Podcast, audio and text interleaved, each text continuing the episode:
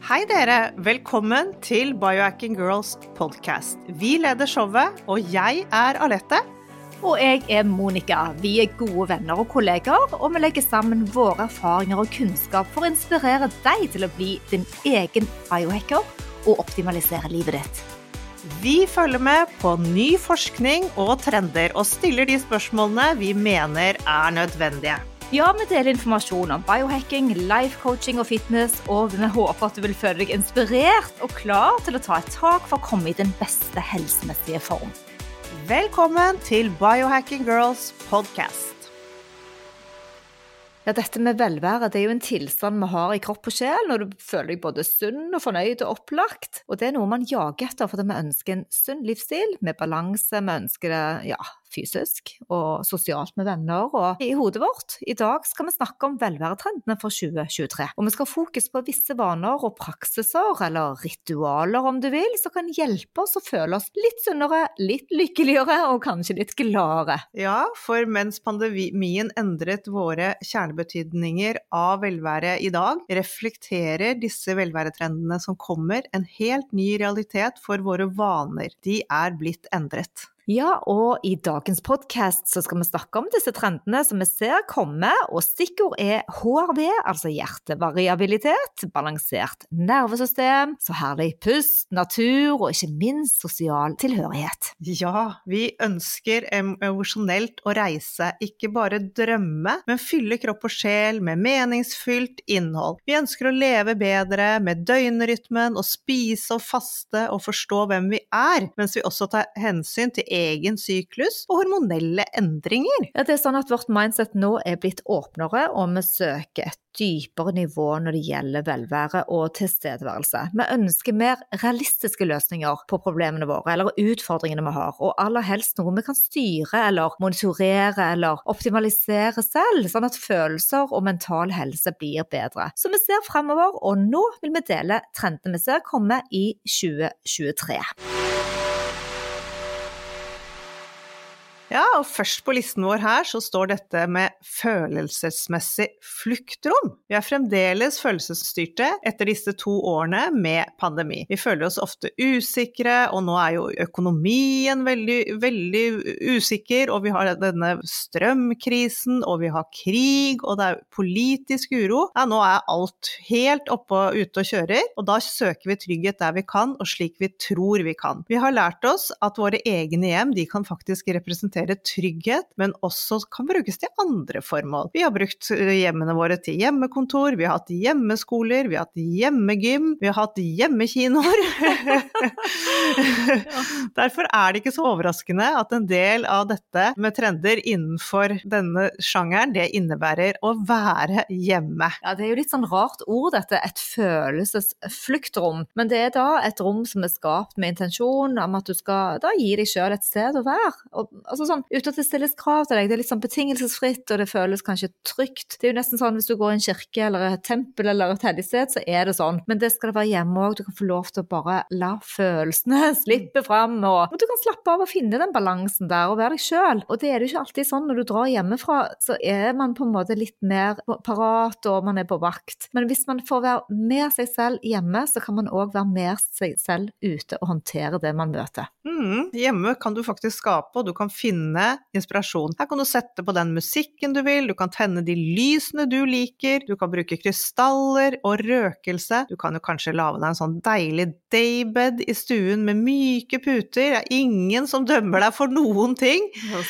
Ja, du, du kan til og med lage din egen hjemmesnekrede restaurant. Og så kan du be hele familien på middag. Hæ? Da får du den maten du vil òg. Det gjør du så absolutt. Alt du trenger til å simulere sansene dine og føle deg helt trygg og inspirert. Tenk på dette rommet, ditt eget hjem, som et sted hvor du kan komme for påfyll. Som et slags retreat-sted. Men herregud, Monica, det blir jo så fint der hjemme at du må jo be noen. Du kan jo ikke sitte der alene i det kule, kule hjemmespaet ditt. Nei, helt enig. Altså, der, der, vil jeg være hele tiden, men du må jo få dele det med noe, dele opplevelsen med noe. Men for en nydelig trend, da. Man skal få lov til å sette fokus på det. Nå er det jo sånn i Norge at vi har koselige hjem, og vi bruker mye tid på interiør og at det skal være hyggelig. Litt annerledes enn ute andre steder i Europa. En annen trend eh, på mindful-listen vår er å ha en oppmerksomhet rundt menstruasjonssyklusen. Mensen er bare blitt så mer folkelig. Det er rett og slett trendy. Ja, og det er jo ikke sånn som det var når vi vokste opp, da. Og har du ikke googlet ordet menssyklus ennå, så er det kanskje på tide å utforske det. Fordi at det fokuset rundt din egen syklus, hvem vi er, hvordan vi kan endre oss følelsesmessig, det kan gi mye bedre livskvalitet og forståelse fra de du lever med rundt deg. Så det å ha mindful menstruasjonssyklus, det er en av de store trendene vi ser.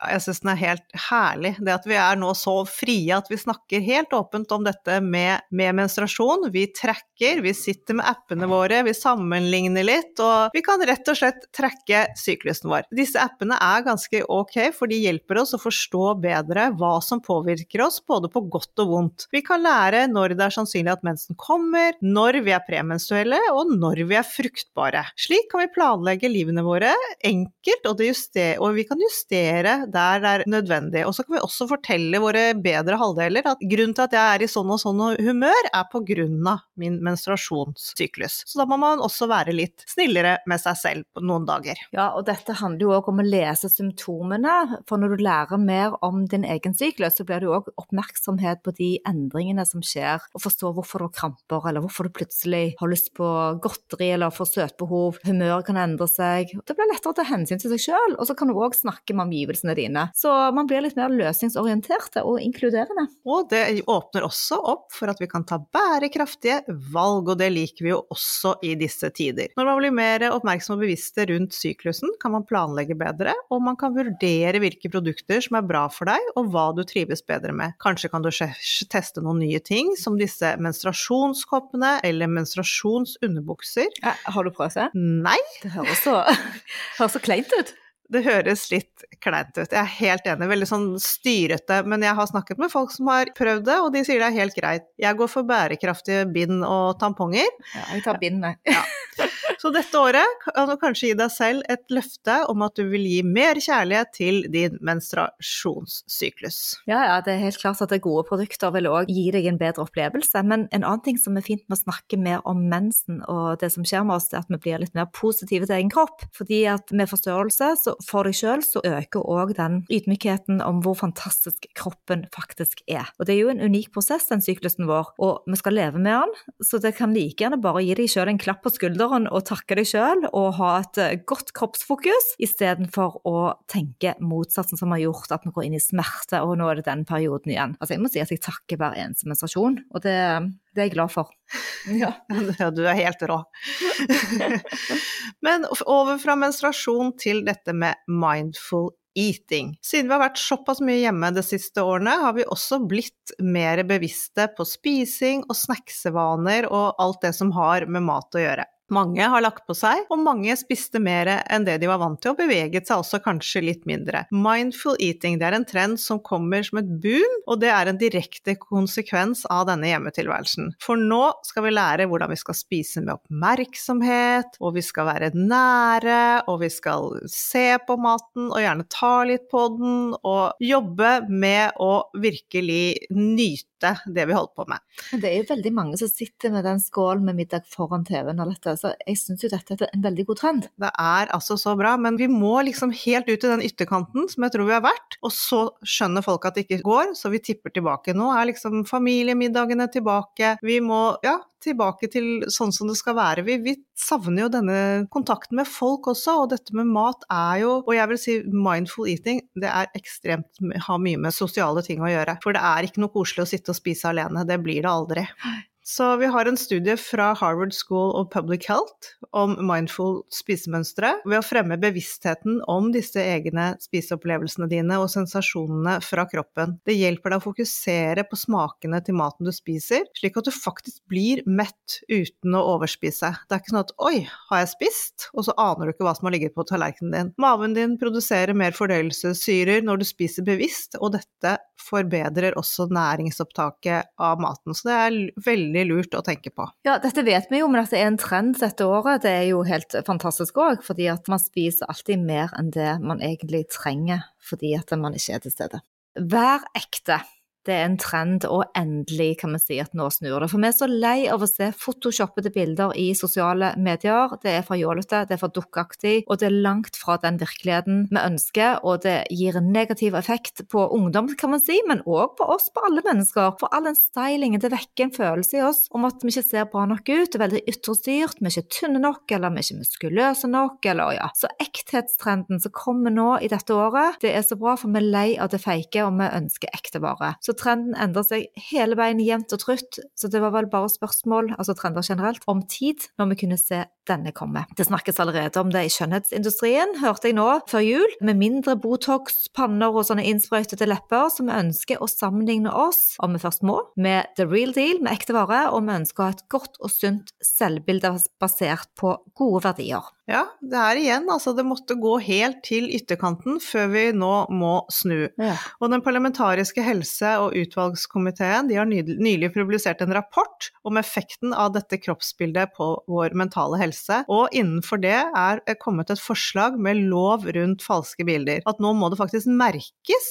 om bildet er retusjert eller jukset med eller sånne ting. Vi får håpe det, det kan hjelpe, fordi jeg tror de, veldig mange tror at disse bildene er ekte. Men nå, ja, vi får se nå om det hjelper at eh, influensere da skriver på dette bildet er fake. Ja.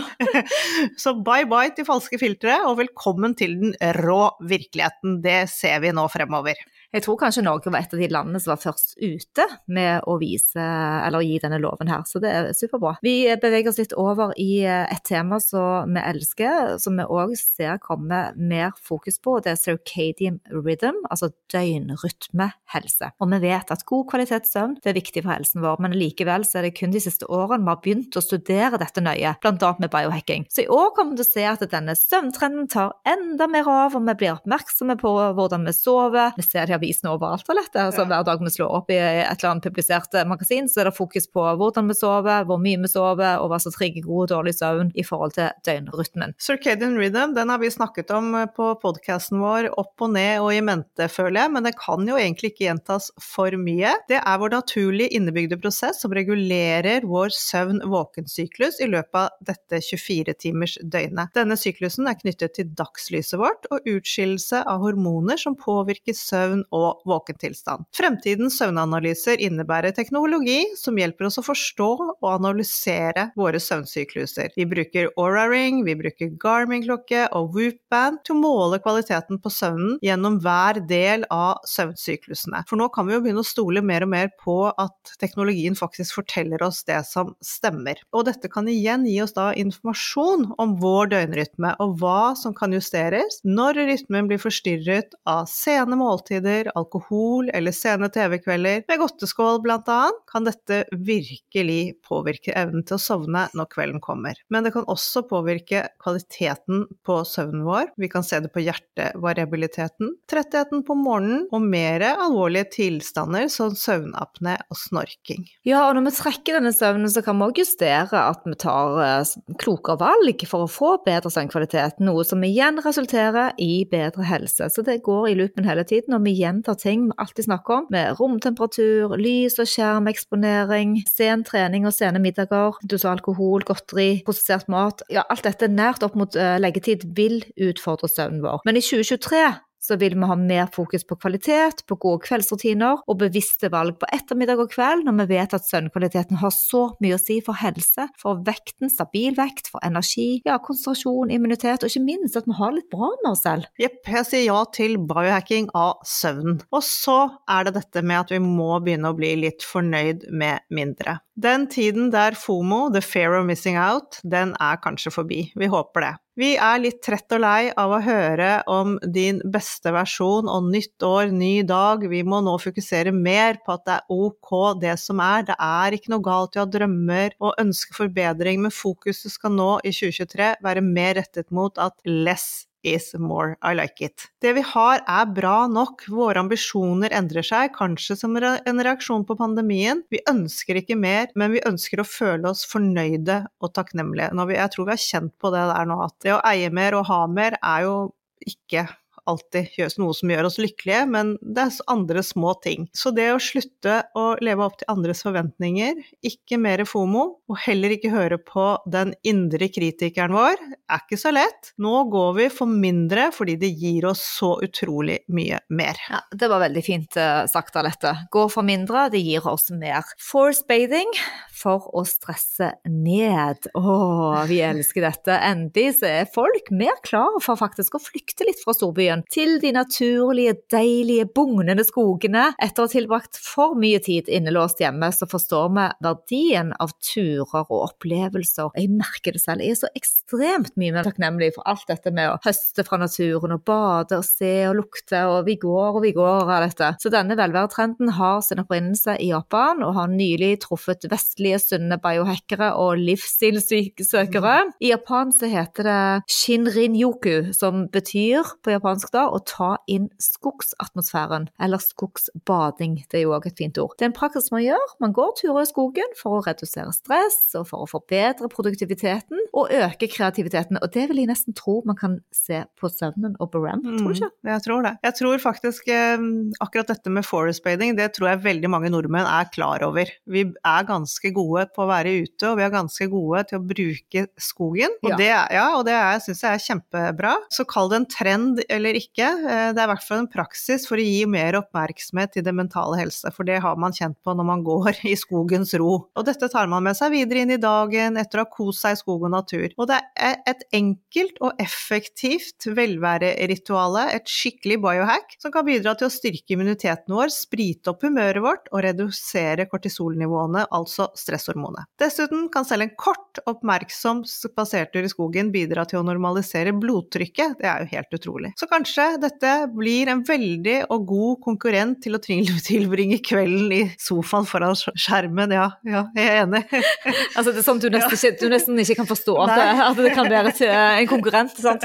Det er derfor jeg ler litt. Grann, Ja, ja. Men, men det er veldig mange som liker å lande på sofaen foran Netflix eh, på kvelden. Men det å ta seg en kveldstur i stedet, det er force bathing. Yes, tusen takk. Mm. Vi har enda en trend på mindful og velvære-listen vår som går rundt dette med quit-quitting, altså stille opphør. Og vi ser det, det er drevet av vår postpandemi-mindset det òg, og vi setter nå mer foten ned for å jobbe og gjøre mer enn det vi er betalt for å gjøre. Det vil vi ikke lenger. Vi vil sette klare grenser, droppe å dra på sosiale sammenhenger og fester, og jobbe overtid og delta på events bare fordi vi tror at vi oppnår mer suksess og blir bedre likt eller får bedre betalt. Vi kommer til å innse mer og mer at å jobbe mer enn det vi blir betalt for, ikke gir oss overskudd eller velvære i jobbene våre. Og pandemien oppmuntret oss til å jobbe hardt og se muligheter og finne disse veiene. Og vi gjorde det selv på Core Balance, og du og vi, med online og Facebook Live, og vi gjorde kurs og vi coachet, og vi jobbet hjemmefra. Vi hadde parallelt hjemmeskole, vi var tvunget til å være mye inne. Du husker at vi Ja, lagde prosjekter så det holdt. Og du fikset hjemme, og vi dillet og tallet. Og vi jobbet jo konstant, så folk var ganske slitne, og det resulterte for mange i utmattelse, både følelsesmessig, men òg fysisk og mentalt. Og vi var rett og slett litt sånn overloaded fordi at usikkerheten var så stor i verden. Så vi har følt oss engstelige og redde, og alt det ekstraarbeidet og de kreative løsningene gjorde at mange av oss ble tomme. Så nå går vi for eh, litt mer stille, stille og forsiktig, og si litt mer nei. Sette Så ja, vi vil sette grenser, slutte å lide i stillhet, og slutte å bare tro at andre forventer sånn og sånn av oss. Det er ingen som gjør det. Så nå, er- det er en kjempefin trend, dette her at vi ser at nå, nå tør vi å si ifra mer hvordan vi vil ha det. Det er, eh, ja, jeg liker det. Si ikke ja til alt vi blir forespeilet lenger. Nei. Nei. Men uh, vi har et par trender til på de siste går på immunitet, så det er litt spennende. Først er det da denne immunstøttende massasjen. Den er litt kul. Det er en kombinasjon av avslappende ritualer som gir bedre helse, av en, å være en velværetrend som skyter fart. Immunstøttende massasje. Det gjør deg da både avslappet, glad og sunn. Hm. Og den gir også mange andre fordeler. Det er forbedring av lymfesirkulasjon og hormonsystemer. Det regulerer nervesystemet ditt, det reduserer leddsmertene, og det kan også fikse dårlige holdninger og lindre smerter. Helt herlig. Ja, Nå vet jeg ikke helt hvor vi finner immunstøttende massasje i uh, Oslo, men jeg tenker at det har litt med lymfedrenasje å gjøre, så, Ja, som ble oppfunnet i Danmark, sant? sånn teknikk. Og ja, det er på trampolinen òg, altså det å flytte lymfevæsken rundt i kroppen for å fjerne toksiner og giftstoffer. Det er jo en teknikk som gir kroppen energi, så jeg regner med at det er det som er effekten å styrke immuniteten, eller hva tenker du? Ja, Det tenker jeg så absolutt, men lymfemassasje, drenasje, det er ikke mye velvære. det gjør vondt. det gjør vondt. Ja. Jeg blir ikke kjempeglad, men jeg blir veldig glad etterpå. ja, ja, men det ble iallfall en trend. Eh, post-covid, eh, siden mange satt så veldig stille, så de måtte bare få røsket litt opp i disse lymfene. Ja. Men eh, når vi først snakker om immunitet, så er òg immunitet et stort fokus. Um, i 2023. Ja, det har virkelig pandemien fått, fått øynene til de fleste opp for, dette med bevisstheten rundt kroppens immunitetssystem. Jeg tror ikke alle visste at vi hadde et immunitetssystem engang. Og de tilhørende behovene vi har for å støtte dette. Men også det å stole på at kroppen faktisk kan gjøre den jobben den skal for å beskytte oss mot sykdom. Topptrender i 2023 for å støtte og øke immuniteten vår er da denne lymfedrenasjen. Det er periodisk faste, disse infrarøde badstuene og alternative terapier som akupunktur, supplementer og supermat. Alt dette kan hjelpe immuniteten vår. Ja, det høres bra ut. Eh, jeg syns vi hadde mange fine trender, og det er jo fokus nå dette med immunitet, og særlig i biohacking-miljøet. Det å leve lenge og det å ha god kvalitet, både med energi og balanse. Så det oppsummerer mange av de tingene vi snakker om, ikke sant? Vi har mer fokus på livsstil og rutineendringer som støtter immun immunsystemet. Dette gir styrke og beskytter oss også mot sykdom. Og det er jo noe som vi biohackere er veldig opptatt av. Å være sterke og friske og ja, ikke at vi absolutt må unngå sykdommer, men at vi, hvis vi først blir syke, så takler vi det. Ja, så kan du òg si at eh, etter å ha båret masker i to år, så er vel tiden nå inne for å fokusere på det som ligger bakenfor problemene. Ikke bare sette en maske på ansiktet, men hva ligger bak det når sykdom faktisk oppstår? Omsider så ser vi nytten av å forebygge fremfor å reparere. Halleluja! Endelig! Endelig blir det litt sånn østlig uh, inspirasjon her i landet, her i Vesten òg. Det er superflott. Så det var altså disse fantastiske mindfulness- og velværetrendene som vi hadde lyst til å belyse for 2023. Så det eneste vi ser for oss skal bli bedre da, det er at vi føler oss bedre, mer fornøyde, kanskje ha litt mer kvalitet, og at uh, less is more. Uh, jeg føler virkelig at 2023, det, det blir et velværeår. Og hva likte Hæ? du best av de trendene da? Du, jeg likte hjemmerestauranten veldig godt, og så liker jeg denne Hvorfor gjorde du det? Fordi jeg er så glad i å spise mat hjemme. Jeg syns man får så mye godt. Jeg ser for meg at de sitter i sånne puter i ring, og så sitter man og spiser suppe hjemme hos deg, kraftsuppe og sånn. Ja, ikke sant. Ja, ja, ja. ja. Alt ja. dette sånn Alt på gamlemåten. Og så må jeg si jeg, jeg slår et slag for denne menstruasjonssyklusen. Jeg syns det At vi tar opp det, at, også, ja, at vi tør å snakke om det og virkelig forstå, forstå hvordan vi fungerer. En supertrend. Det var jo bare et år siden Aura da eh, koblet ringen sin og målingene opp mot syklusen vår.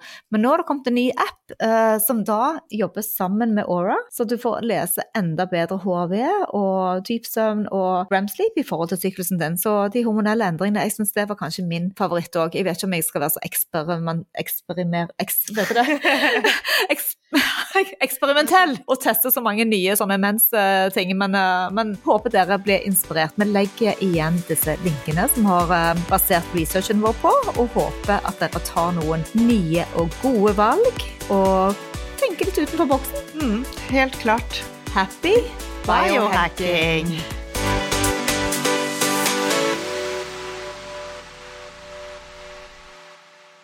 Vi minner om at dere må snakke med egen lege eller kostholdsveileder om dietter og andre spørsmål relatert til medisiner og supplementer. Informasjon vi deler kan ikke bli brukt til å diagnostisere, behandle, forebygge eller kurere noen sykdommer eller tilstander.